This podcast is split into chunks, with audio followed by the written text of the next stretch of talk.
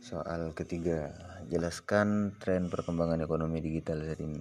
Ada tujuh sektor digital yang disorot selain yang sudah ada sebelumnya yakni ekonomi, ekonomis, transport dan food atau online travel, online media dan financial service.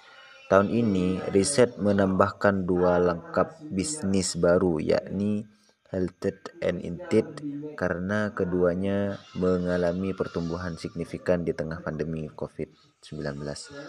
Suatu hal yang cukup menarik, di Indonesia 56% dari total konsumen layanan digital tahun ini datang dari luar area metro.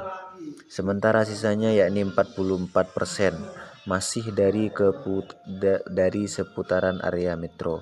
Sehingga bisa dikatakan sampai saat ini perkembangan digital memang masih Jabodetabek uh, sentris. Dan itu tidak dimungkir, dipungkiri karena ditinjau dari aksesibilitas sampai intra, infrastruktur. Memang ada jenjang yang cukup signifikan antara area metro dan non metro.